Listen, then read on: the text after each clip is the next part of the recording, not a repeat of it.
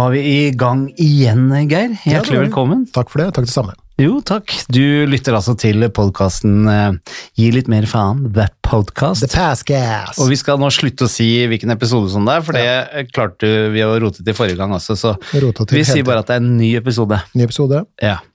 Hvordan har du hatt det? Nå har det faktisk gått ti dager siden vi var sammen sist. Ja, jeg jeg har hatt, øh, hatt det fint, uh, men jeg har irritert meg. Ja, nå er det ikke sånn at jeg blir overraska over det lenger, så, men jeg er jo spent allikevel på hva du er irritert over nå. Jeg tenker jo at hvis vi en dag legger ned denne podkasten, så starter vi en ny som heter Gretne gamle menn.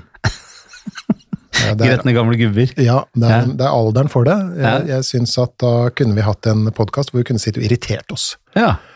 Eh, en av de ting, Kan jeg få lov til å irritere meg? Jeg tror det er det lureste. Det er kortvarig for irritering. Ja, okay. Irritasjon. Overgående. Ja da. Forbigående heter heter det vel ikke overgående? Nei, Ja. forbigående. Ja. Irritasjon. Det er litt som uh, bekymring og grubling. Det er ikke noe man driver med lenge, Nei. men av og til så kan man få lov til å velte seg litt. Hvis man er kritisk til tidsbruken. Hva er du irritert over? Jo, nå skal du høre. Jeg har eh, tenåringer som søker jobb.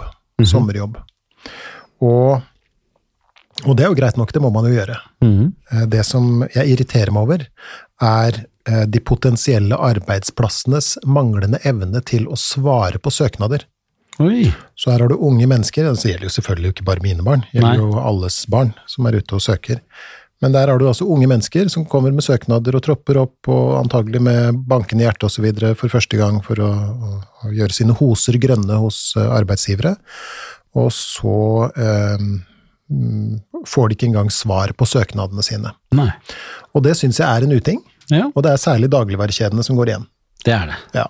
Eh, Men jeg tenkte jeg skulle bare lese opp, eh, for nå er jo ikke vi sponsa av dette selskapet, men de kan kanskje begynne å sponse oss etter dette, fordi at jeg vil gjerne rose et eh, selskap for en god, hva skal vi kalle det, god holdning til sine arbeidssøkere. Hey. Og jeg synes at norske dagligvarekjeder og Mhm. småbedrifter osv. bør spisse ørene og, Og ta kopiere. lærdom. Og, og kopiere. Ja. Her er det noen som har søkt jobb i eh, Nordea. Jaha. Og Nordea skriver mm. Først og fremst vil vi takke deg for at du tok deg tid til å søke på stillingen. Mm. Tenk deg det. Så det det er eh, Takk for at du gir av deg selv, og takk for at vi har fått muligheten til å bli litt bedre kjent med deg gjennom søknaden. Utropstegn. Wow. Ja, så mangler bare et hjerte der, altså. Ja. Interessen for denne stillingen har vært stor, og vi er i den heldige situasjonen at vi har flere aktuelle kandidater etter en grundig helhetsvurdering. Er vi lei oss for å informere deg om at du ikke er videre i denne prosessen? Om du ønsker, er du hjertelig velkommen til å holde deg oppdatert på ledige stillinger i Nordea. Sånn, Sånn, sånn, ikke sant? Her kan du melde deg på, få tilsendt mail osv. Igjen! Så de, gir seg ikke. Nei. Så her, her skal de kjæle med egoet, og det er litt Ja. Igjen takk for din interesse og søknad. Vi i Nordea ønsker deg all mulig suksess videre i din karriere. Håper vi får sjansen til å vurdere deg for en annen ledig stilling på et senere tidspunkt. Wow. Det er å ha respekt for eh, arbeidssøkere, Ja. og der kan vel enkelte ha noe å lære, tenker jeg. Det er det jeg irriterte meg over. Nå er jeg ferdig. ja. Mm. Men jeg tror kanskje at jeg misforsto deg litt. Og Eller tror du at når det er en dagligvarekjede? Nei, eh, det er det vel for så vidt ikke, men, eh, men, eh, men de, gjør, de, gjør, de gjør gode ting, da. Ja, når det er en bank for folket. Det er det. Ja. Dagens Så- reklame der, altså. Ja, dagens reklame. Jeg er fremdeles sur på SAS, bare så det er sagt. Ja, du er det. Ja. Ja. Ja, Nå er vi ferdig med dagens irritasjon. Så bra. Du, eh, før vi, for vi har en gjest i, i, i dag, eh, det er fantastisk, men før vi kommer dit, så eh, må jeg jo få lov å, å Vi må jo kunne bemerke at vi får veldig mye respons fra publikum nå. Det er veldig stas. Det gjør vi. Det er eh, kommet inn mange hyggelige mailer, og Veldig. kommet inn mye skryt. Nesten så vi begynner å tro på det. Ja, det er, det er eh, Huet begynner å bli ganske stort nå, og det skal man være litt forsiktig med. Ja, det skulle tatt seg ut. Ja. Det skulle tatt seg ut. Men vi vil i hvert fall takke alle de som har sendt, og fortsett. Send inn, eh, og gjerne komme med forslag til temaer, spørsmål, eh, og ikke minst del. Eh, hvis du er fornøyd med det vi holder på med, så spre det glade budskap. Ok, men, men nok om eh, det, Geir. Vi har eh, et fantastisk besøk her i dag. Ja, det har vi jaggu meg. Ja, så, så jeg syns det er på tide at vi må få han med i samtalen. eh, og jeg har lyst til å fortelle eh, Jeg har jo fortalt deg det, men de som, som hører på, da, kanskje hvorfor jeg syns det er så fantastisk å ha den gjesten her. sånn, Fordi jeg så denne Herman her, som fikk jeg tips av via en venninne av meg at jeg måtte lese en artikkel. Og jeg leste en eh, fantastisk eh, artikkel, og den var ganske lang, men etter to-tre setninger så tenkte jeg at han her kunne jeg veldig godt tenke meg å ha truffet i virkeligheten. Og så helt tilfeldig så oppdaget jeg at han var eh, Han er jo en stjerne blitt, så han var jo gjest hos Lindmo. Eh, Det var vel ikke noe på forrige fredag, var det ikke det? Jo, to uker siden. Ja. Eh, og så har vi maila litt fram og tilbake. Han er en busy mann, men endelig så har vi fått en hit. Her sitter han. Ja, og da skal jeg eh, Så kjenner jeg at jeg blir faktisk nervøs for å si navnet feil her, men hjertelig velkommen til oss, Kave Rashidi. Tusen takk. Var det riktig? Tommy Stei, Stei, Stei, Steine. Ja, Steine er riktig. Ja, uff. Og så har jeg fått snakka med deg, så vi har jo felles kjente også. Du er jo, eh, har jeg skjønt, det skjønt, burde jeg jo skjønt med forrige boken som du ga ut også, ga du ut sammen med en kollega av meg, Jonas Inge Bergland, så, eh, så du er jo ikke, du har ikke normal frykt mot eh, standup-komikere, skjønner jeg. Nei, heldigvis ikke. Men hjertelig velkommen hit. Tusen takk. Hvordan går det? Det går bra. Hatt en eh, vanlig dag på fastlegekontoret, Aha. som i disse dager går ut på å berolige folk om at de ikke kommer til å dø av koronavirus. Jeg tenkte det var noe av det første vi kom til å høre, ja. Ja. ja. Men det er, det er jo hele hverdagen. Folk er hysteriske nå. Er er du helsepersonell, så er det det hver eneste dag består, består i. En god venn av meg starta som eh, helsesøster i dag, eller helsesykepleier som det nå heter, og var liksom gira på nå skal jeg begynne å behandle barn og familier, og nå skal jeg liksom Første tingen hun fikk da hun kom på jobb på en skole, var du, du må drive med smitt- smitteoppsporing for eh, koronamennesker. Oi, oi, oi. oi. altså, det er, det er det det har blitt. Eh, og du har jo gitt ut den boken som kom ut nesten litt sånn i forkant. Var det timing, eller visste du noe? Det var veldig god timing at uh, det kom sånn hysteri over landet rett etter at jeg gir ut en bok som spør, stiller spørsmålet 'Kanskje du er frisk?' Altså det er Ja. tittelen på boka. En bok om alt det syke vi gjør for helsa vår. For hvorfor var det du hadde lyst til å skrive den boken her? Nei, altså det jeg merker da, som fastlege og legevaktslege eh, Mitt yrke er Jeg møter veldig ufiltrerte pasienter. Man trenger ikke en henvisning for å komme til meg. Alle er velkommen, og jeg har 4000-5000 konsultasjoner i året. Så jeg får en, litt sånn, en viss forståelse for hva som rører seg ute i samfunnet. Og, og min erfaring, hvert fall de siste fem-seks årene, har vært at folk stadig kommer for eh, mindre alvorlige ting. Um, de er mindre syke, rett og slett. Mindre symptomer. Eh, og det bekreftes jo av liksom, objektive data. Vi er friskere enn vi noen gang har vært i Norge. Men samtidig så er vi mer engstelige for sykdom enn noensinne før. Og vi gjør mer og mer unyttige tiltak for å holde oss friske. Fra kosttilskudd til naturmedisiner til homopat. Altså, vi gjør så vilt mye for å holde oss friske, som absolutt ikke fungerer. Så dette er en bok som ikke liksom bare skal fortelle deg hva som funker og hva som ikke funker, fordi det tror jeg man får høre nok av andre steder, og det er så mye motstridende råd uansett at man blir jo ikke klok på det. Men heller liksom gi deg litt verktøy til å klare å skille mellom gode og dårlige råd selv. At du klarer å bli mer selvhjulpen i liksom mylderet av helseråd som du blir pusha på hele tida fra aviser, blogger, medier, venner, apotek, leger, alternativbehandlere. Altså, alle har jo sine meninger om hvordan du skal bli friskest mulig. Ja. Og nå sitter du, jeg ser du er nesten litt tårevåt i øynene. Dette her er musikk for, for deg? Ja, det er jo litt i samme terrenget som jeg eh, jobber i. Eh, ja. Um, en av begrepene som kom over det um, research av deg, da, var jo det som vi kaller liksom forkortes MUPS. Medisinsk uforklarte plager og symptomer. Ja. Eh, og um, Hva skal jeg si, da? Mye av, eller det jeg har fått inntrykk av i hvert fall, er at mange av konsultasjonene ved legekontorene f.eks., det er um, det vi kaller subjektive helseplager. Ja. Det, det er lite objektive funn når dere skal skrive en sykemelding f.eks. Kan du si noe om det? Ja, det, det vet man jo, det har man jo veldig gode tall på i Norge. Det er 3% av våre allmennlegers konsultasjoner som er med pasienter som har det vi kaller MUPS. Da. MUPS er et samlebegrep, sånn som du sier, eh, plager uten noen objektiv måte å finne hva årsaken er på. Og da har man allerede utreda. Altså, det vil si at du har eh, vondt i en skulder eller eh, ja, er trøtt eller hva enn den reelle plagen din er, uten at noen objektive vitenskapelige prøver klarer å finne hva som er feil. Det som er spesielt med den gruppen, da, når det kommer til dette med kanskje du er frisk, er at de er jo ikke friske. De er utvilsomt syke. eh, fordi begrepet sykdom eier man sjøl. Hvis man føler seg syk, så er man det. Ok, Så hvis man har en opplevelse av sykdom, så er, Så er man man syk, syk, tenker du? definitivt. Og så kan det godt hende at sykdommen din ikke kan påvises på en prøve som jeg har. Det sier kanskje mer om at prøvene nå til laks ikke er gode nok, eller at diagnostikken ikke er bra nok, heller enn at pasienten er frisk. For pasienter faker det jo ikke. Det, skal, det er i hvert fall utrolig sjeldent at man gang på gang går til legen og liksom har det dritbra med en gang man går ut, ut fra legekontoret, men bare sier at man er syk der og da. Dette er jo ting folk opplever.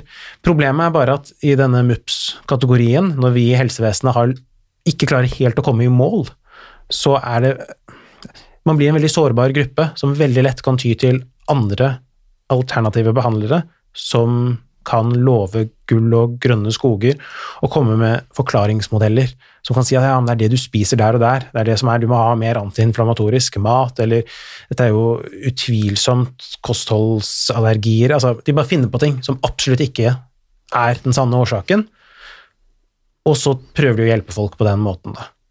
Litt for høy tro på, seg sjæl, tenker jeg er problemet med sånne, sånne forklaringsmodeller. Mm, mm. Jeg, jeg, jeg snakka med en gammel lege en gang Mm. som sa at en, del, en, en stor del av hans jobb da, eh, var det han kalte sjamanisme, og det sa han jo med litt sånn tongue in cheek, som de kaller det. Mm.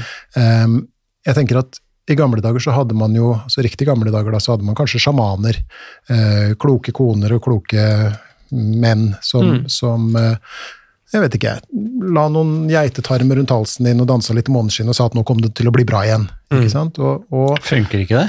Jo, de, ja, men det gjør jo det. Ikke sant? Det er jo denne placeboeffekten, ikke sant? Og, og, og du har jo en del geittarmer i fryseren, vet jeg, Tommy, men, men eh, er ha, Jeg vet ikke hvordan jeg skal formulere det her, men er det her blitt en del av fastlegenes hverdag også? Det å, å nærmest berolige på en del sånne eh, subjektive helseplager, som jo eh, veldig mange av de som jobber i den mer sånn alternative medisinske misforstå meg rett, industrien adresserer, da.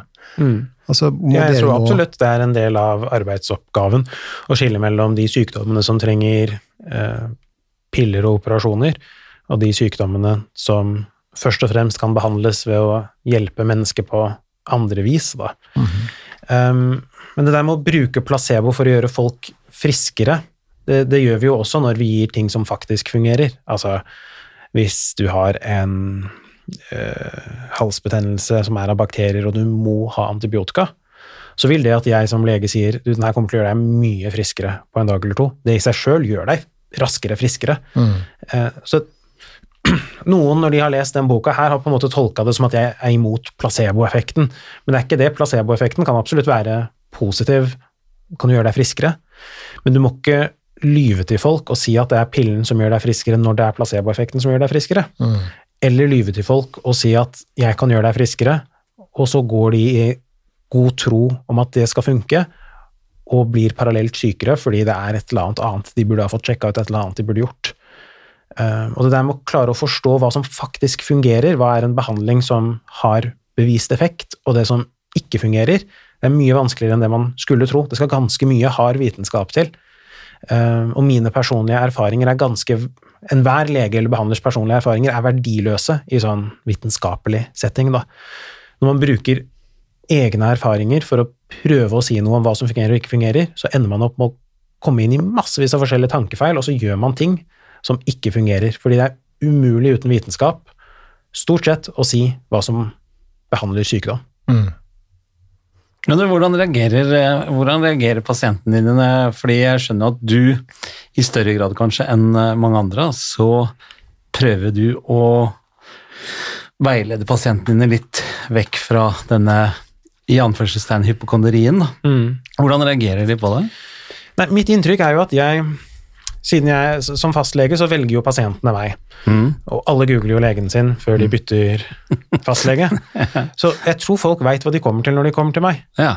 Uh, og derfor tror jeg pasienter er for, veldig fornøyd med meg, fordi de får det de på en måte har sett på internett og TV. Mm.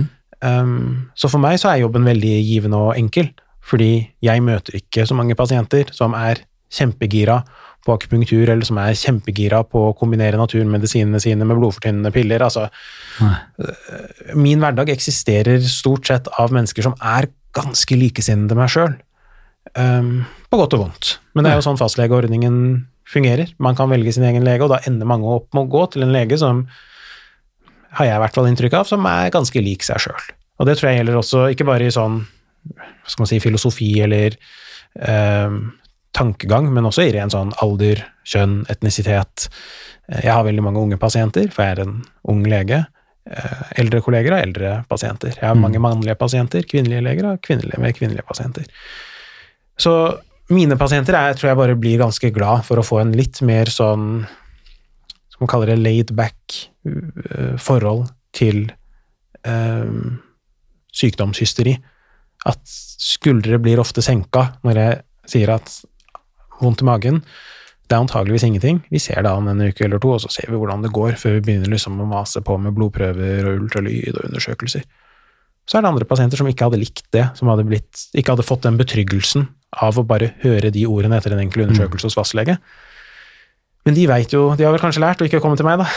Men er du noen gang redd for at du har Altså, misforstå meg riktig nå, hvis mm. det går jo sikkert ikke an å si engang, men er du, er du, redd for noen ganger at du har tatt for lett på det? At det liksom sånn som fader, det var noe, liksom. Ja, på du... legevakt så føler jeg på det, fordi ja. der sender vi folk bare hjem uten noe oppfølging. Så du kommer inn med brystsmerter, og så er det sånn er det infarkt, blodpropp? Nei, gå hjem. Uh, og da kan man drite seg ut. Mm. Uh, og da kan man overse sykdommer som bare er dødelige. Um, og det er ikke alltid man får vite om det heller, for den saks skyld. Det er ikke noe sånn kvalitetssikringssystem på det. Så der går man kontinuerlig rundt med den angsten.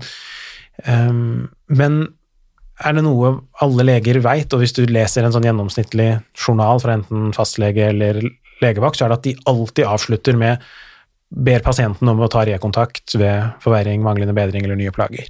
Mm. Altså, vi ansvarsfraskriver oss jo litt over til pasienten. Når man sender en pasient hjem og sier at dette er ikke noe farlig, så er det alltid med et slags forbehold om at Jeg vet jo ikke, da. Ingen. Vet virkelig hva dette er. Nei. Så vi holder kontakten. Men på fastlegekontoret er det mye enklere det med å holde kontakten, fordi man har begrensa pasienter, man har 1200 pasienter, og man kjenner de, og man har et sånn kontinuerlig oppfølging. Så er det et eller annet som er rart, diffust, styggent, så tar man det inn til en kontroll, så sjekker man det opp, så følger man videre. Eh, så jeg føler, jeg føler ikke at så mange pasienter på en måte faller gjennom, men det er utvilsomt slik at de faktisk gjør det. Det er absolutt mange som får diagnosene sine altfor sent, eh, og som blir sykere eller som dør fordi de ikke fikk diagnosen så tidlig som de burde. Men der også skal det sies at man kan ikke ha en sånn slags nullvisjon om at man absolutt alltid skal fange opp alt på perfekt tid. Si hvis en treåring kommer til meg med feber og er i god allmenntilstand, så skal jeg ikke tenke på blodkreft, fordi det er så latterlig usannsynlig. Jeg kan ikke utrede alle treåringer med feber for blodkreft. Um, men en uhyre sjelden gang iblant, så er det jo det.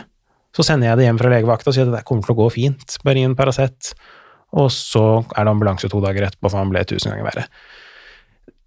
Det er ikke nødvendigvis det samme som at man har gjort en tabbe, at man overser noe sånt, fordi man kan ikke helgardere seg mot alle alvorlige sykdommer hos alle pasienter kontinuerlig. Det, det, det har liksom ikke helsevesenet ressurser til. Men det, er, det her går jo på kommunikasjon, føler jeg da. Jeg som ikke er lærd sånn sånn som dere to, så er det jo jeg syns jo det har veldig mye å si med hvordan måten legen møter meg på. Hvis mm. det er litt sånn derre eh, kimsing litt sånn Nei, nå hva har du lest for noe nå, liksom. Litt mm. sånn arrogant. Mm. Så kjenner jeg at da har jeg mer aversjoner mot det enn hvis man sier du vet det, jeg tror faktisk eh, ikke dette her er noe, jeg tror du skal senke skuldrene, men si fra til meg hvis du opplever at det er noe forverring. Mm. Da føler jeg ikke at du har fraskrevet deg noe ansvar, eller føler ikke at du har neglisjert meg eller sånt. Noe. Eh, og, Men da, det beror jo på at du går til legen din med et ønske om å samtale eller diskutere eller på en måte bli enige om noe. Det er litt vanskeligere hvis eh, man møter pasienter som har bestemt seg for eh, hva de mener er riktig mm.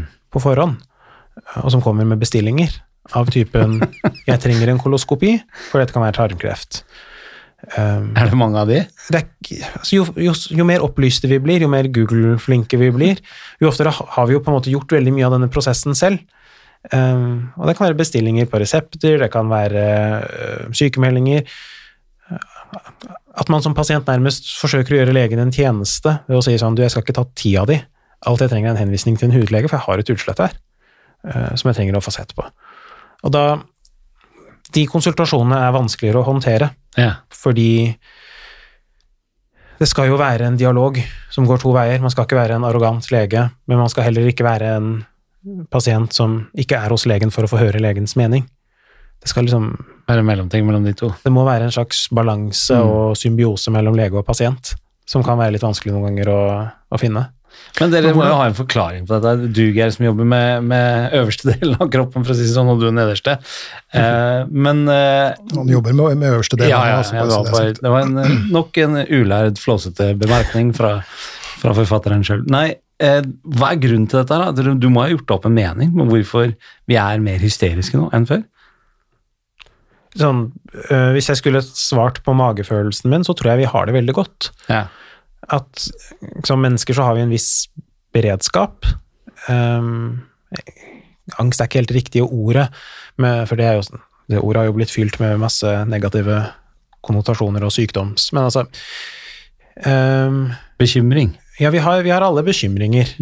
Og hvis det er noe reelt ytre å bekymre seg for, av typen et dårlig utdanningssystem i dette landet, hvordan skal jeg få barna mine gjennom skolen, eller ha, har, inn- jeg altfor lav inntekt til å klare å betale huslånet Hvis du har de bekymringene, så, så vil det oppta på en måte den uh, mengden med bekymring som du som individ har. Men si at alt det blir fiksa på, at staten ordner opp utdannelsen til barna dine, ordner opp et trygt sted for deg å bo, så tror jeg fortsatt vi mennesker ofte sitter igjen med en indre uro, eh, som er en naturlig og fin del av livet. Den skal liksom drive oss til å ta gode valg.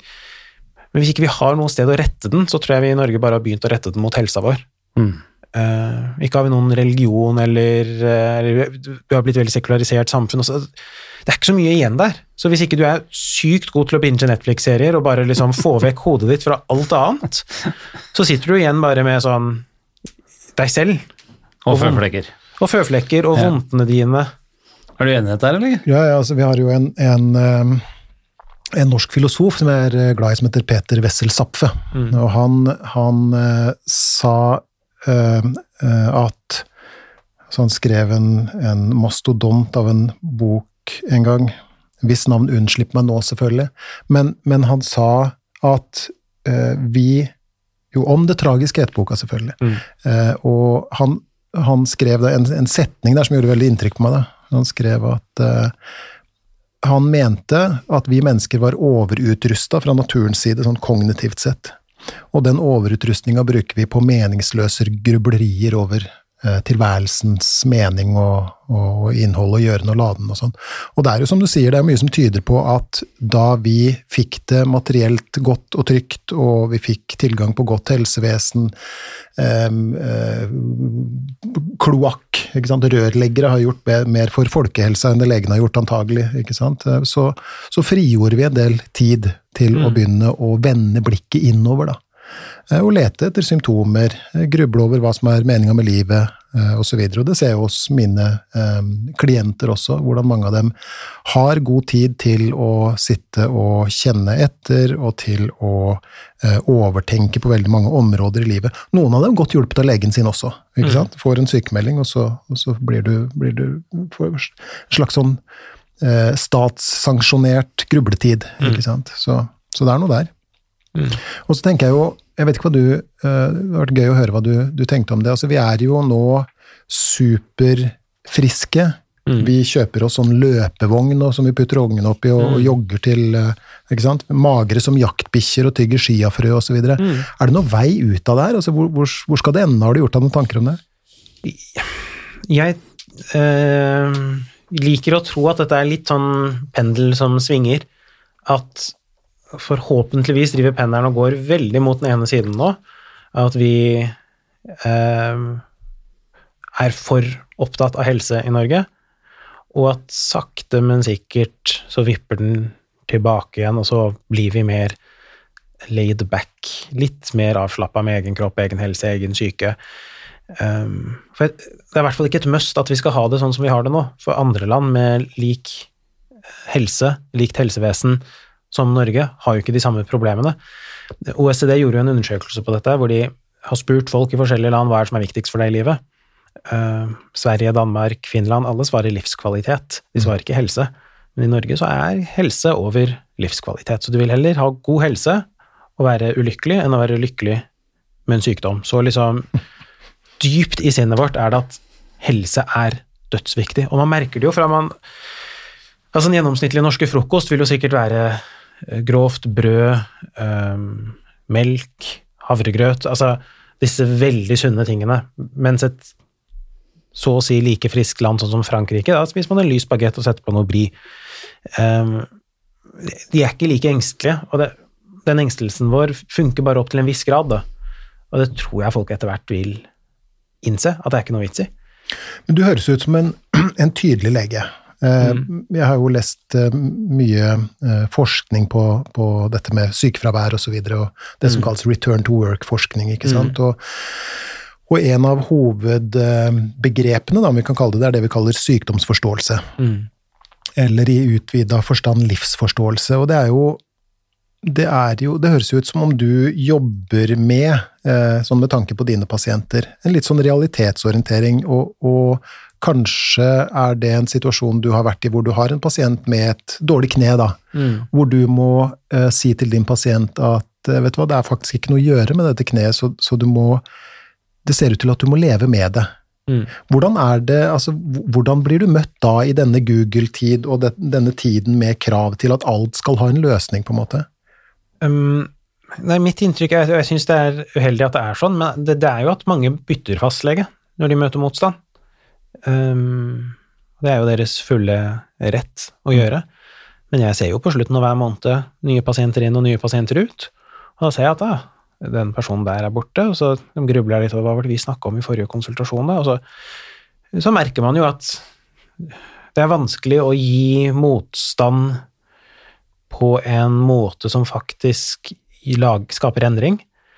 Um, og, og, man skal jo ikke gi motstand, det er ikke I hvert fall nå til dags så snakkes det veldig mye om at måten å få til endring på er å motivere personen sjøl. Uh, og at man absolutt ikke skal legge føringer, men bare stille spørsmål. Så denne hypotetiske pasienten din med det vonde kneet uh, ville jo ha måttet gruble over ganske mange vanskelige spørsmål av typen hvor trives du best, hjemme eller på jobb? Um, hvilke muligheter ser du at livet ditt kan ha med et kne som ikke kan bøyes og tøyes som vanlig? Men det, det, det krever veldig mye av pasienten også. Er, sykemeldinger er veldig mye lettere for alle parter. En konsultasjon som ender i sykemelding, kan jeg klare på tre minutter. Mm. Det er bare noen skjemaer, mm. og så er det gjort. Um, så tror jeg nok dessverre det henger igjen Folk er veldig forskjellige. For uh, noen, for noen så er sykemelding et enormt nederlag, og for andre så er det en positiv gode. Mm. Og hvis man ser på sykemeldingen som noe positivt, så har man et grunnleggende problem mellom lege og pasient. Mm. For det er det, det, er noe vi gjør fordi vi må gjøre det. Det er, mm. ikke, det er ikke bra for pasienten, det er ikke bra for samfunnet, det er ikke bra for arbeidsplassen. Vi vil jo helst unngå det så langt det lar seg gjøre. Mm. Um, så er det begrensa hva man får gjort, da, fordi veldig mye av det som er oppi hodet til pasienten, er bestemt lenge, lenge, lenge før de kommer til fastlegen. Så hvis man kommer på en time, har et vondt kne og tenker 'jeg kan ikke jobbe', så er det 15 minutter, og bestillingen er sykemelding, det, det, skal godt gjøres å ikke skrive ut en sykemelding da. Mm. Er man skikkelig flink, så vil jeg si at man klarer å skrive en relativt kort sykemelding en, hvor man liksom sår noen frø, hvor man liksom får inn noen tanker om at ja, men kanskje vi bare tar to uker denne gangen, og så kan du komme tilbake så kan vi si om det er noen mulighet for å liksom gradere, kanskje bytte litt på arbeidsoppgavene dine, snakke med sjefen. Men sykemelding blir det liksom uansett, da, mm. hvis uh, man som pasient ønsker det. Det har vært mye debatter omkring det med hvorvidt man i det hele tatt Og det høres nesten litt sånn surrealistisk ut, men hvis man tenker over det, så er det egentlig ganske rasjonelt, synes jeg, da. Hvorvidt man egentlig trenger leger for å sykemelde i det hele tatt. Um, for vi kan gi behandling, og vi kan diagnostisere, men det å sykemelde, det å bestemme om du har arbeidsevne, det er veldig subjektivt i forhold til pasienten. Um, uendelig mange pasienter med brukne bein, alvorlige infeksjoner, går på jobb fordi de ønsker det. Jeg er kreftsyke, du skal dø om et år. Ja, ja, men jeg går på jobb. Det går fint. Vice versa. Andre jobber ikke pga. veldig lettere tilstander. Folk er utrolig forskjellige, og det er veldig veldig vanskelig, om ikke umulig, for en lege å bestemme at du kan jobbe når du føler at du ikke kan det. Mm. Um, så det gjelder heller lenge før man liksom kommer til legen, å ha en slags mental, å klare å skape en mentalitet hos folk om at jobb er ekstremt helsebringende, og at hvis du sitter hjemme og får alt servert fra stat, så kommer du til å bli sykere. For livet har ikke så mye mening at du bare kan sitte stille og på en måte ha det godt. Du må, du må skape en eller annen form for mening selv, og jobb er en måte å gjøre det på. Er det noen grupperinger der sånn? Er det noe, eh, når du sier at uh, du har de som går på jobb samme søren. Jeg tilhører den kategorien. Jeg har uh, 26 år som artist uh, med over 4000 liveshow. Jeg har enda ikke avlyst én eneste jobb jeg har vært på. Og gudene skal vite at jeg har vært skikkelig sjuk også, jeg har hatt over 40 feber og sånn. Så. Men er det noe kan du si, er det, er det, Gjelder dette mer yngre folk, eller er, det, eller er det ikke noe som utkrystalliserer seg? Nei, jeg, jeg kan i hvert fall ikke si noe på alder, heller ikke på skjønn, men jeg har jo inntrykk av at hvis man før man er syk, sånn helt urelatert, hadde klart å gi et ærlig svar på hvor godt man liker jobben sin, så tror jeg det er en veldig sterk sammenheng mellom hvor godt du liker jobben din, og hvor ofte du sykemelder deg. Ja, det her finnes jo tall på med trivsel på arbeidsplassen og Ja, så jeg tror det liksom er essensen. Og så er det sikkert, eller dette vet jeg ikke, dette er veldig spekulativt, men jeg vil tro at det er en forskjell mellom selvstendig næringsdrivende og offentlig ansatte, bare av økonomiske grunner. Mm. Uh, Ja, det er jeg ganske enig i. Mm. Jeg Jeg lurer på om Jeg lurer på hva som hadde skjedd hvis vi hadde innført en ordning i Norge hvor man ikke hadde fått 100% sykepenger for egenmelding. Nei, men jeg, jeg vet ikke. Nei, det Ingen vil jo gjøre noe så upopulært. nei, det og det Med mindre mindre du jo, vil ha LO på nakken fra dag én. Så, eh, Jo, men på den annen side, det presser seg jo fram. Også Ja. fordi at velferdsstaten er jo ikke hva den en gang var. Og, og denne pengebingen blir jo stadig grunnere. Mm. Så, så man kan jo lure på hvilken politiker vil tre frem og ta første, det første slaget. Men at det vil skje, det er jo Altså, velferdsstaten er jo en, er jo en historisk parentes. da trenger du en politiker med ryggrad, og til nå så har jeg ikke sett noen. Så det er eh, Ja, du har tatt, tatt røntgen av alle sammen. Jeg har tatt røntgen av alle sammen. Ja, er riktig. Men du, kan, kan jeg spørre deg en, en ting til? For denne boken Mm. eh, Kanskje du er frisk. Eh, så i hvert fall mitt inntrykk, og litt sånn jeg snakka med deg, så eh, opplever vel folk at du går eh, litt også til angrep mot den alternative Mm. delen. Hvordan reagerer folk på det? Er det, det er vel, du må jo få mye Ja, det er kanskje dumt å si det på den måten, men jeg syns folk reagerer ganske sånn forutsigbart. Ja. De jeg tror skulle være enig med meg, syns dette er dødsbra og kjempeinteressant, Mm. og de jeg antok skulle være uenige, eh, syns dette er en håpløs bok. Eh, Så du har gjort det opp, så du var forberedt før du Ja, jeg har jo vært i ma- mange alternativdebatter tidligere, så jeg er på en måte vant med argumentasjonen fra begge sider. Um, og når jeg skrev det kapittelet som er om alternativ behandling, så starter jeg med å skrive det at jeg tror ikke noen kommer til å endre mening av dette kapittelet her, men la meg få presentere noen liksom, objektive sannheter om hva vi faktisk ikke kan diskutere, fordi det er fakta Ja. som hvor mye penger vi bruker på det, Ja. hvor mye det faktisk er vist å forlenge livene våre. Altså, rent rasjonelt så skal det være Det, det er helt vanvittig at det eksisterer alternative behandlere som får lov til å gjøre det de gjør, i den utstrekningen de gjør, og samtidig får så mye drahjelp fra det offentlige. Altså bare det at de har momsfritak. Går til en homopat, så har de momsfritak. Det er, det er billig for dem å hjelpe deg. Men hvis du, går til en, hvis du har et problem som faktisk kan løses av en ekspert, av typen rørleggerproblemer, da. Rørleggeren betaler 25% moms, og det gjør det dyrere for folk å få tak i en rørlegger og fikse et reelt stort problem. For meg så er det bare helt vanvittig at vi- lever i et samfunn hvor rørleggeren, som kan noe ekstremt nyttig, skal ha så mye dårligere arbeidsvilkår enn en homopat, som gjør ingen verdens nytte. Det er liksom Og, og det, det gjelder så mange yrker hvor det handler om å bare tjene penger til Man tror ikke nødvendigvis at man gjør det bare for å tjene penger, for man tror jo at man gjør godt for pasienten.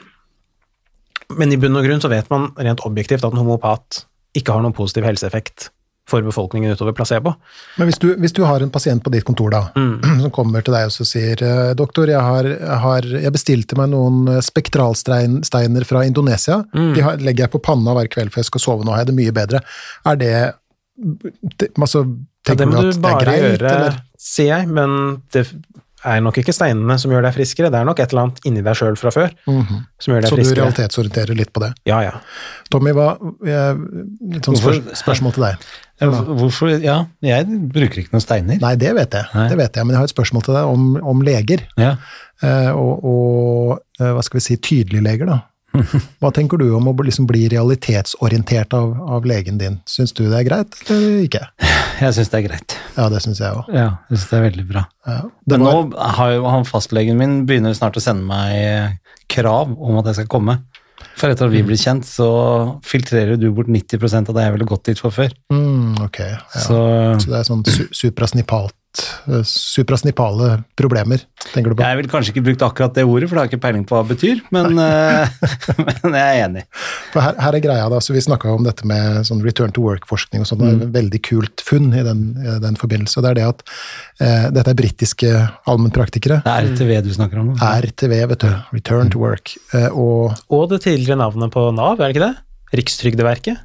Ja, uten W-en, Ja, selvfølgelig. Men ja, ja. Eh, Men de, de Ja, eh, det heter sånn, jeg har helt glemt at det het noe annet før Nav. Mm -hmm.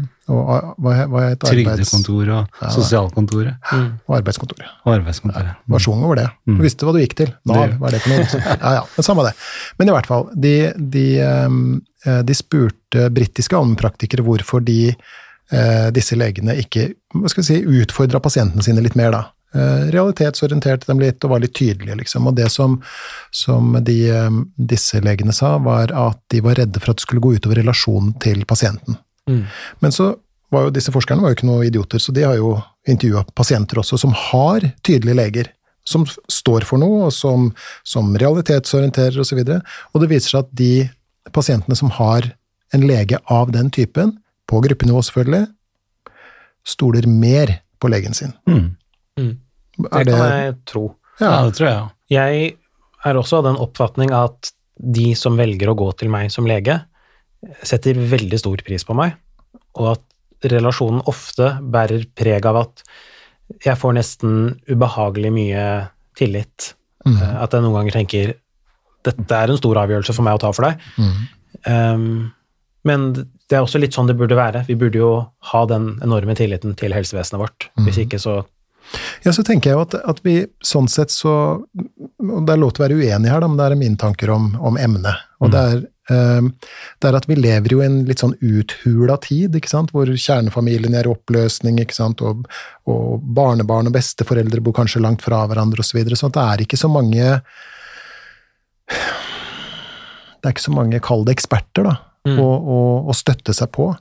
Eh, og, og så har vi jo vært igjennom en, en litt sånn relativiserende tid også, med liksom ja, hva syns du selv da, og ikke sant, sånn veldig sånn løs veiledning, eksempel. Og det da å ha en, en person som sitter i en, ikke sant, en legerolle, mm, høyt utdanna, presumptivt vet hva han eller hun snakker om, det må jo også være godt for veldig mange, tenker jeg da. Ja, men jeg, jeg tror den legerollen du beskriver der, egentlig er Om ikke jeg er på vei bort, så det, det er ikke sånn det er å være lege lenger. Man eh, Før min generasjon over meg forteller om en sånn autoritær posisjon, men det eksisterer jo i mye mindre grad nå, har jeg inntrykk av. Ja, men på den annen side så kan man jo Alle si er eksperter på alt. Når Ja, du sier ja, ja, at ingen er eksperter, så er det jo det bare fordi alle er selvutnevnte mm. eksperter. Men det er forskjell på å være autoritær og tydelig, tenker jeg da. Og det Ja. å ha en tydelig lege, sånn som du åpenbart er, det må jo være veldig godt for veldig mange, tenker jeg. Jeg håper det. Og så tror jeg det er andre som har en personlighet som ikke fungerer så godt med den tydelige varianten, Mm. og de finner andre leger å gå til. Mm. Og så ruller ballen og går. Stolleken. Rett og slett litt stolleken blant leger. Det, det, jeg, hadde ikke jeg vært når jeg er 50, så jeg er jo for gammel til å gå til deg, men da hadde jeg begynt å gå hos deg. Jeg, jeg liker den, eh, jeg liker den eh, holdningen du har til det. Ja. Du sa det i stad, du var litt ung, og at de går til Jeg kan ikke forstå meg på livet til en 50-åring, herregud. Hvordan kan det være? Nei, det er sant. Men du, eh, jeg må spørre dere begge to faktisk om det her, sånn da. Fordi at noe av grunnen til at du så klart kom eh, ut med den boken her nå, eh, kanskje du er frisk, er jo fordi du ønsker å røre litt i, i, i, suppa, ikke sant? Du ønsker også å få ut litt um, Som vi snakka om litt før vi gikk inn her sånn også, så er boksalget én ting, men også det å komme ut i mediene med det, bli invitert som gjest sånn som her, til Lindmo osv. For å fortelle om det, er jo da tydelig at du har et ønske om å opplyse mm. folk om dette her. Eh, men hvordan motiverer det da, hvis, hvis det er sånn som, som, dere sier, at det er veldig mye hysteri, og, og folk kommer hvem var det som sa det? Vi husker vi sa det i en episode. Vi sier at Før så gikk vi til legen når vi var syke, nå går vi til legen for å sjekke at vi er friske. Mm. At det var en sånn vesensforskjell her. Hvordan motiverer du deg da, som lege? til å gå og møte disse herre som jeg, jeg, tror naivt nok fortsatt at det jeg gjør, betyr noe. Ja. At uh, en eller annen et eller annet sted i Norge faktisk blir friskere av å lese den boka her. Mm. Og så er det kanskje bare jeg som lyver til meg sjøl, men jeg liker å tro at det fungerer. At det sitter folk på gjerdet og er usikre, som leser boka, og som um, får et lengre og lykkeligere liv av det. Um, det er et brennende ønske om å hjelpe som er grunnen? Nei, det hørtes veldig filantropisk ut.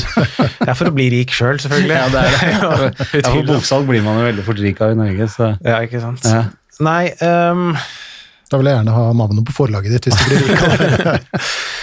Nei, jeg vet ikke hva motivasjonen er. Det er vel en eller annen form for selvrealisering som de fleste andre som Altså, jeg syns det er gøy å skrive. Jeg syns det er gøy å prøve å forklare konsepter som for meg virker eh, takket være utdannelsen eh, jeg har hatt, som, som, virker veldig tydelige, og få det til å bli like tydelig for andre som er i utgangspunktet enten uenige eller uten noe særlig mening om en, om en ting.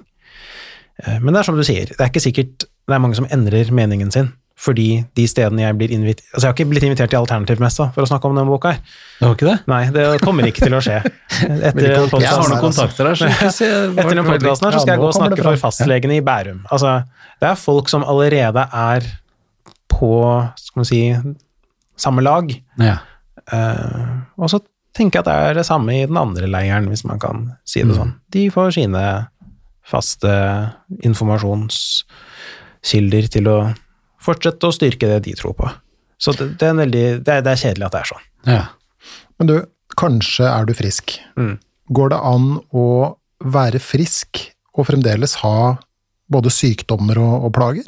Ja, ja, absolutt. Mm -hmm. Sykdommer og plager Altså, sykdommer er jo diagnoser. Du kan ha diagnoser og fortsatt være frisk. Eh, det handler mer om din egen mindset om friskhet, og hva du legger i det. Bare noe så enkelt som å ha høyt blodtrykk. For en person så vil det å ha høyt blodtrykk være at du er kronisk syk, at du er karsyk hele livet. For en annen person så er ikke det sykdom. Du er helt frisk, du har normal funksjon, men må bare ta en pille om dagen, kanskje. Mm. Uh, per Fugle gjorde en veldig morsom studie på det der, hvor han reiste til forskjellige lokalsamfunn rundt om i Norge av typen et fiskevær nordpå, industrisamfunn i Oppland eller noe, altså, og spurte folk hva er god helse for deg. Og det er jo kjempeforskjellig. Folk svarer ulike ting. Konseptet å være frisk og ha god helse er enormt subjektivt. Um, så jeg tror at hvis man klarer å tenke litt mer meta over Altså, ikke bare um, tenke i diagnoser og diagnosekriterier, men å tenke på hva er egentlig god helse, hva vil det si å være frisk for meg, hva trenger jeg denne kroppen til og denne psyken til? At man kan bli friskere av sånne tanker. Og det er jo også en viktig del i psykologien og psykiatrien, da, at man skal eh, på en måte eie og forstå hva som foregår med kropp, egen kropp og sinn. Mm, mm. Da er vi litt tilbake til det vi har snakka om i veldig mange episoder nå. Mm. Nesten alle, vil jeg si. Nesten alle episodene. Ja. Det er ikke Det er um, hvordan du forholder deg til både plagene dine og livet ditt, da, ikke sant? som er avgjørende for hvordan du har det. Og ikke nødvendigvis hva du går rundt med av diagnoser osv. Så, videre. så det er eh, ja. Men får jeg lov å spørre deg, for du nevnte på, på Lindmo så nevnte du jo søsteren din, som, som dessverre gikk bort på, på kreft, og, og din mors iver etter å skaffe alternative former. Men det er jo åpenbart eh, selvfølgelig en, en eh, ekstrem påkjenning for alle som, som har noen nære som, som går gjennom det. Men følte du eh, eh, For du trodde jo ikke på noen av de alternative medisinene. Mm. Men så fikk du, et, du fikk en kommentar i et kommentarfelt Mm. eh, som ikke var fin. Nei, det var, en, det var faktisk på et veldig offentlig kommentar. Jeg er vant med å få uh, meldinger på Messenger og Instagram som er ufine, Ja. men uh, det var vel på NRK Lindmo sin Facebook-side, så var det en som skrev bare i en sånn bisetning at ja, hvis, hvis denne arrogante legen hadde vært litt mer åpen for alternativ behandling, kanskje søstera hans ikke hadde dødd. Det er så drøyt. Men uh, Men hva gjør det med deg da, når du får sånne, sånne meldinger? Før så pleide 100% av ting å prelle av meg. Jeg var veldig hard i huden. Nå har jeg kommet og gått ned i sånn 99% av ting preller av meg. Litt, jeg blir litt mer Jeg har begynt å Sånn som på Twitter. Det var lettere enn om det bare var færre følgere, men nå tror jeg er oppe i sånn 20 000 følgere på Twitter, og det blir så mye dritt at jeg har begynt å skjule folk og blokkere folk som jeg, jeg Det går inn på meg når det blir veldig, veldig mye um, sånn irrasjonelle, hatfulle kommentarer fra eh, anonyme, eller i hvert fall fjerne mennesker som ikke har noen interesse av å ha noen dialog eller noe, men bare liksom skal spy ut noe dritt på internett. Mm. Um, og det tror jeg også er uunngåelig hvis man er en offentlig person, så jeg liksom aksepterer at det er der. Men jeg har begynt å trykke på blokker og skjul oftere, for jeg, når jeg ikke tror det kommer en fruktbar samtale ut av kritikken eller uenigheten. Det er veldig lurt av det. Tror ja. det er eh, Ja, særlig når det gjelder Twitter, som jo er kjent som litt av et rottereir i så henseende, da. Jeg er ikke på sosiale medier i det hele tatt. jeg. Jeg ser ikke nyheter heller. Så- Nei, så Men du hadde jo din oppblomstring ja. før eh, man måtte ha sosiale medier. Det skal godt gjøres i disse Du er dager. 50 år, vet du, Tom. Jeg, jeg kan ikke helt forstå hvordan din, dine 20 år og 30 år var, selvfølgelig. Men det skal Han, godt gjøres. han hadde en ganske stor kolleksjon av brevduer i sin tid. Det hadde. Brevduer, Ja. Ja, men jeg, jeg vil si det skal godt gjøres å um, nå frem med bøker fra scratch uten en tilstedeværelse på sosiale medier. Det er ikke noe forlag som hadde turt å ikke ha en Facebook-side, Instagram-side. Um, det er jo bare en naturlig måte å markedsføre seg selv på. ja, men det har jeg også med forestillinger og, Mm. og den podkasten her og, og, og boka til, til Geir også, så så jeg er ikke helt fraværende. Altså. Man øker i hvert fall sjansene sine for å bli hørt mm. ehm, når man er tilstedeværende på sosiale medier. Men så er det det med å skjerme seg sjøl litt grann også fra de helt idiotiske kommentarene. Men du, når, når, når, når liksom, hva skal vi kalle det da? Når livet blir humpete for deg, da. Mm. Hvis du får noen plager av noe slag, f.eks. hvis du har fått noen kjipe kommentarer på Twitter, og det er jo ikke noe gøy, Mm. ikke sant? Man kan jo fort bli lei seg og sånt, f.eks. Ja, du reagerer jo på de sånne ting her. Jeg, jeg liker ikke det. Nei, du, Nei, det, jeg, jeg sy- altså for det første vi kan få tenker jeg 100 positive meldinger, og så er det én som ikke er fornøyd. Ja, jeg kjenner igjen Ja, og Og det er bare det han tenker på. ja, det syns jeg ikke er noe Jeg synes, Vet du hva? Det koster så lite å være hyggelig. Ja. Det koster veldig lite. Det syns jeg alle skal være. Man skal være høflig og hyggelig. Ja. Jeg syns at vi skal innføre god morgen og god ettermiddag og Ja. god, god middag og sånn. Og du og de og dem. Jeg Ja. tror det var noe som gikk tapt eh, Ja, helt enig. Men i hvert fall, eh, hvis du selv er i en periode som er litt sånn ekstra humpete, Mm. hvordan håndterer du selv det? Altså Har du noen litt sånn mørke sider? Går du inn en bakdør og får litt sånn auramassasje, håndspåleggelse? Nei, jeg har masse ups and downs i livet. For eksempel dette med søstera mi. Selv om det var tre og et halvt år siden hun gikk bort, så er jeg på ingen måte eh, Hvor stor aldersforskjell var det på dere to? Hun er seks år. Seks år. Hun er seks, seks år eldre enn meg. Så er jeg på ingen måte på en måte kurert eller ferdig eh, med det. Jeg er kjempelei meg veldig ofte. Um, og jeg har liksom lagd en Jeg er en veldig sånn rasjonell type av natur, da, så jeg har lagd en beredskapsplan for meg selv, så jeg veit at når jeg kjenner på følelser som er tunge, når det liksom begynner å være mer enn bare uh, en varm og god type tristhet og savn, så veit jeg at liksom, fysisk trening er nummer én. Det gir meg en følelse av at alt ugget i hjernen skylles vekk. Så uansett hvor dritt jeg føler meg, så tvinger jeg meg selv til å Nå bor vi rett ved Akerselva også, så jeg bare tvinger meg selv til å gå ut, løpe. Mm. Og så kommer jeg hjem igjen, og så kjenner jeg på det. Ble det bedre? Hvis ikke, gå til nummer to på lista. Og så har jeg en sånn to do-list som jeg går gjennom, og sånn 90% av gangene så fikser det problemene greit nok når det er noe oppi huet som skurrer. Det var, det var en, en sånn klok fyr en gang som sa at noen ganger er ikke et problem et problem, men et faktum. Mm. Eh, Og faktum kan man jo ikke gjøre noe med, som f.eks. det å miste noen. ikke sant? At noen dør fra oss, det er jo, det er jo et faktum. Mm. og, og, og faktum kan man ikke gjøre noe med, det må man forholde seg til Ja. eh, over tid. Har du, gir du de samme rådene til pasientene dine også? Så hvis de f.eks. er i, perioder med sorg, eller i type sånn samlivsvansker, eller har et sykt barn osv., er det den type råd du også da gir dem? Jeg, jeg prøver i hvert fall alltid å normalisere ting veldig, og liksom ikke sykeliggjøre det. Eh, det har jeg kjent på egen kropp også, at eh, hvis det at søstera mi gikk bort, skulle være en tidsbegrenset sykdom eller tilstand jeg skulle gå gjennom av sorg, eh, så det bare føles veldig feil og ubehagelig ut for meg. Mm. Eh, det liksom Det som skal skje med meg etter det, er bare en naturlig del av det man gjennomgår når man mister noen man er glad i. Og så må man, som du sier, lage en ramme i livet som passer til de styrkene og svakhetene. Og det kan være noe sånn helt praktisk, som at jeg kan aldri jobbe på en kreftavdeling. Det bare skjer ikke. Kan umulig skje. Eh, Det skaper altfor mye tanker omkring søstera mi som døde av kreft. Mm. Um, og, og så må jeg bare, man må bare liksom la, finne sin egen måte å håndtere det på. Og de problemene kommer jo i alle former og varianter, om ikke det er at man har mistet en søster, så kan man ha et dårlig selvbilde som noen ganger skriker på. Det kan være ja, Det trenger ikke å være noe engang. Vonde tanker og følelser kan komme helt umeldt og uten noen god grunn, om man skal si det sånn. Mm. Så jeg er veldig pro at man klarer å gjenkjenne at man Det er ofte der jeg starter med sånne problemstillinger. Gjenkjenne hva som er problemet, hva som forårsaker det, hva som trigger det, og klare å være bevisst på at ok, nå er det nå begynner noe å gå galt her oppe i hodet mitt, og så ha en plan. Mm. Når det skjer, ikke nødvendigvis stole på din spontane reaksjon, som kanskje vil lede deg til enda mer tristhet og enda mer vonde tanker, men å gå på en eller annen plan du skrev da det var, ting var litt lettere. Um, Det er en god idé, altså. Mhm. Jeg liker den eh, planen der.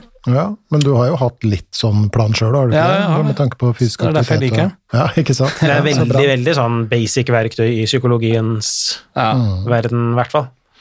Og dette med fysisk aktivitet vet vi jo mer og mer om. Ja. Det er, eh, det er superlurt. Ja, og jeg har jo, selv som jeg sa til deg før vi gikk inn her, sånn, jeg gikk jo på en Vi har sagt det til kjedsommelig i denne, denne podkasten, så jeg skal gå inn på det, men eh, jeg gikk jo på en skikkelig smell, og det var ingen tvil om at pri 1 komme seg ut, altså. Mm. Eh, Ja, det er helt om du så er bare å gå rundt huset, så er det bare å kom deg ut, reis deg opp. Blir du liggende i sofaen eller i senga, så ber du bare om å grave deg lenger ned. Mm. Så det er basic. Men du, jeg skal, han, eh, vår kjære gjest, jeg kjenner at det er ca. 400 spørsmål til jeg skulle tenke meg å stille deg, men du har eh, dårlig tid. Du skal ut og, og og snakke mer om det akkurat det samme. akkurat det samme eh, for legene ute i Bærum. Mm. Um, eh, så, men vi har en greie her, skjønner du. Hver gang vi har en gjest, så er det, har han et spørsmål han vil stille, og jeg et spørsmål eh, jeg vil stille. Mm. For denne podkasten heter jo Gi litt mer faen, og det er jo tuftet på, som vi snakket om, med Per Fugle og sånt. Mm. Er, det, er det noe du eh, per i dag skulle ønske at du kan bli enda flinkere til å gi faen i? Åh, det meste. Jeg er kjempenevrotisk, jeg. Er du det? Ja, ja, ja. Jeg, alt hadde jeg kunnet brydd meg litt mindre Dagene mine er kjempeslitsomme fordi jeg overtenker alt. Um, hvor skal man starte? Hvor ryddig det er hjemme. Jeg skulle ønske jeg kunne slappe litt mer av, at ting ikke er i orden hjemme, at det gikk greit. Ja. Men jeg går rundt med en kontinuerlig sånn stress for ting som ikke er gjort, og som Oi. burde gjøres. Og, og det stresset smitter selvfølgelig over på samboeren min. For hvis det er sånn at jeg ikke er hjemme, og jeg vet at liksom Fader, ass, du må ta ut av oppvaskmaskinen. Så sender jeg henne en melding og er sånn Kan ikke du ta ut av oppvaskmaskinen i dag? Sånn eh, Så svaret på Men det du er spørsmålet mannen i forholdet allikevel. Det er, eh, så det er Jeg får akkurat de samme meldingene hver eneste dag. De samme tingene får jeg. Hun er også nevrotisk på det. Ja. Nei, men jeg er nevrotisk på det meste. Hadde jeg kunnet senke skuldrene mine mer og ikke bry meg, så hadde det vært supert. Men jeg har ikke knekt koden for det. Nei, må bare gi litt mer faen. Ja, det er fine ord, men eh, Du vil vite hvordan? jeg vil vite hvordan. Da har vi en bok som Geir har skrevet, som vi skal sørge for at du, du får. Som, Som heter 'Hvordan gi litt mer faen'. Ja, Så den skal, og vi var jo så dumme at ingen av oss har tatt den med. Det var, var- var det siste jeg tenkte på før jeg tok på meg skoa da jeg gikk ut. ja, Ja, det så var, eh, et sekund senere var den tanken borte. Så er det ditt spørsmål. Du har også et yndlingsspørsmål. Men det kommer i posten. Herlig. Ja, vi lover.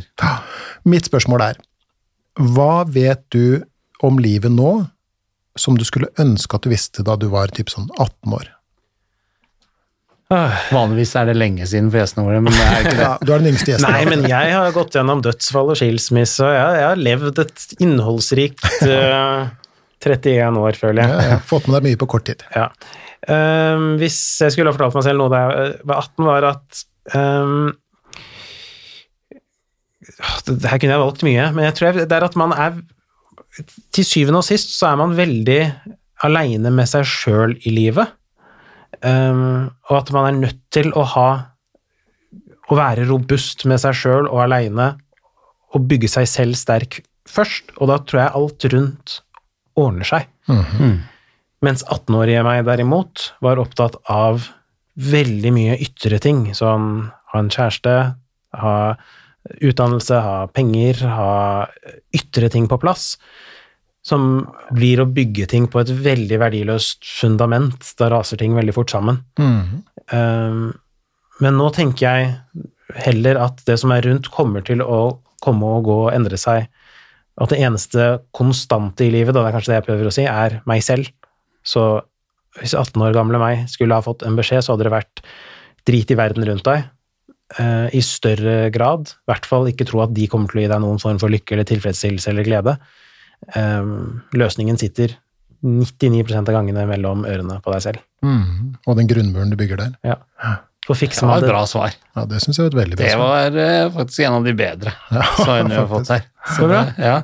så da får du S på det òg, eller? eh, Du gjør det. Men du, eh, Kaveh, tusen, tusen millioner takk for at vi fant tid og du kunne komme. Takk for at fikk komme. interessant å, å prate med deg. Lykke til med boken. Tusen takk. Eh, og for du som hører på, eh, dette her er en bok som du må ha hvis du vil holde deg frisk.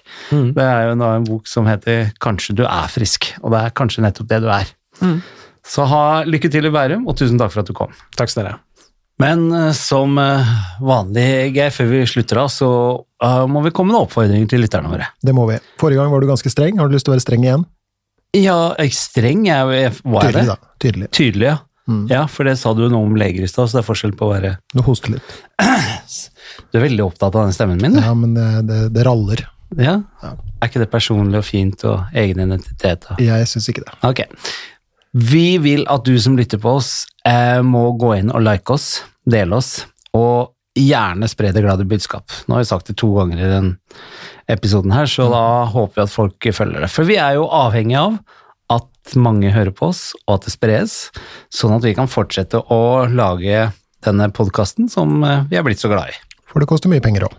Koster veldig mye penger å lage den, og da trenger vi at eh, flest mulig hører på den. Var det, det var ikke så strengt, det? Jeg syns det var eh, mykt, varmt, nesten rørende, men tydelig. Og hvor skal de henvende seg hvis de har lyst til å henvende seg til oss? De kan henvende seg på uh, Facebook, hvor både showet og boka er. Gi litt mer faen, og hvordan gi litt mer faen. Akkurat det samme på Instagram. Og hvis de vil sende en e-post til oss med dette og hint som tema, så kan de sende det til gi litt mer f at gmail.com. Gi litt mer f krøbelsæd. Du klarer det aldri. Nå tror jeg du begynner å gjøre det med vilje. Nei, ja, absolutt. Snabla. Ja vel. Ok. Takk for i dag. Du, takk for ha en uh, fin dag. Vi har ikke lov å si noe om neste episode, men jeg kan i hvert fall si at jeg gleder meg veldig, veldig, veldig. veldig. For jeg tror vi får besøk av en, eh, en artig kar. Det tror jeg. Ta Kos deg, og så ses vi. Yes. Ha det. Ha det.